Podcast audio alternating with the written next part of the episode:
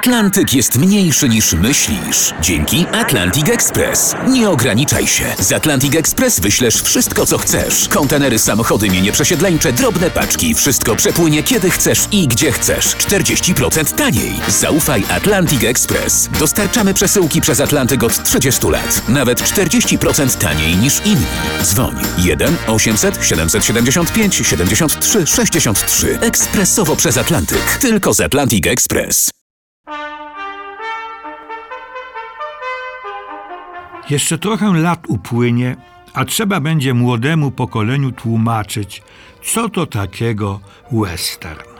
Wprawdzie gdzieś tam jakiś pogrobowiec przemknie czasami przez ekrany, ale westernowe przeboje, gorączkowe oczekiwania na jeźdźców znikąd, dwóch z Teksasu, czy nawet na małego wielkiego człowieka, śledzenie z wypiekami na ustach zmagań dobrego kowboja z wrednymi bandziorami – wszystko to należy już do zamierzchłej przeszłości. Dziś zastąpili ich skorumpowani przedstawiciele prawa i władzy, sadystyczni gangsterzy, a bojownikami dobra są już tylko sztuczne, choć mające szlachetne serca cyborgi. No dobrze, ale powspominać można. Nie tylko po to, żeby tym, którzy westerny pamiętają, bo je kochali, oczy rozbłysły albo łza się zakręciła, ale również dlatego, że były to filmy szczególnego rodzaju i stanowią kawał historii kina. Przede wszystkim jest to jeden z najstarszych gatunków filmowych. Narodził się prawie w tym samym czasie co komedia. Tu kręcił swoje zwariowane slapsticki Maxenet, a opodal cwałowali na swych rączych rumakach Bronchobili, czyli Gilbert Anderson, William Hart i Tom Mix. Filmy kowbojskie, tak je najpierw nazywano, wymyślili Amerykanie – bo też akcja rozgrywała się na amerykańskich preriach podczas podboju tzw. Tak dzikiego zachodu. W zasadzie w drugiej połowie XIX wieku. Był to okres burzliwy, gwałtowny, skomplikowany, pełen najróżniejszych zdarzeń i konfliktów, czynów heroicznych, ale i haniebnych podstępów, wszelkich oszustw, brutalnych aktów przemocy, niecnych morderstw, słowem wielkich nieraz dramatów czy tragedii. Wtedy nie nastał czas na przedstawienie tej, jakby nie było, bardzo bolesnej prawdy o tym pionierskim okresie. Raz, ponieważ widzowie do przyjęcia takiej prawdy nie byli jeszcze przygotowani. To nastąpiło dopiero po obydwu wojnach światowych. Dwa, ponieważ filmowcy nie byli w stanie wtedy tę prawdę wiarygodnie przedstawić. Wszak dziesiąta muza przeżywała dopiero swój wiek niemowlęcy. I tak bezkresne prerie w oślepiającym słońcu, w niemiłosiernym żarze lejącym się z nieba, przemierzali dobrzy kowboje i źli bandyci. Spotykali się najczęściej w odludnych osadach, na samotnych ranczach czy w małomiasteczkowych salunach.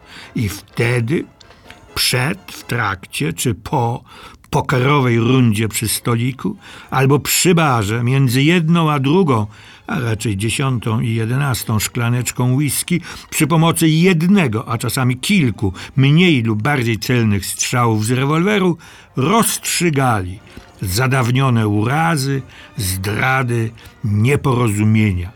Często rozstrzygając, tworzyli nowe, bo zgodnie z prastarą amerykańską zasadą sztuk widowiskowych, the show must go on. Precyzyjni historycy przedmiotu określają bardzo dokładnie charakterystyczne cechy klasycznego filmu kowbojskiego w trzech, jak to się dziś mówi, obszarach. Pierwszym obszarem jest miejsce akcji, już o nim wspomniałem. Dorzucić jeszcze można góry, skaliste, bezludne, pełne przełęczy, wąwozów, idealne miejsce, w którym można się ukryć lub na przeciwnika napaść. Drugi wyróżniający obszar to ubiory, kostiumy. te wszystkie skórzane buty z ostrogami oczywiście, kabury na broń, ochraniacze na spodnie, kraciaste koszule, popularne po dziś dzień na całym świecie, kamizelki, nie mówiąc o mundurach żołnierzy armii amerykańskiej czy ubiorach Indian ze wspaniałymi pióropuszami. Trzecim charakterystycznym dla filmu kowbojskiego, a wymienianym słusznie przez historyków obszarem są rekwizyty. Od koni, powozów i dyliżansów począwszy, a na broni skończywszy. Sławny karabin Winchester 73 uwieczniony został nawet jako tytuł filmu. A te wszystkie kolty, noże różnej maści i indyjskie tomahawki pierwszym człowiekiem, który postanowił i potrafił podnieść wdzięczny i popularny, ale prościutki, treściowo i dramaturgicznie film kowbojski na wyższy poziom, był Thomas Ince. To on jako producent doprowadził do powstania dwóch westernów. Od tej pory zaczęto używać tego określenia w odniesieniu do ambitnych filmów kowbojskich. Tymi filmami były w roku 1923 Karawana Jamesa Cruza i rok później Żelazny koń Johna Forda.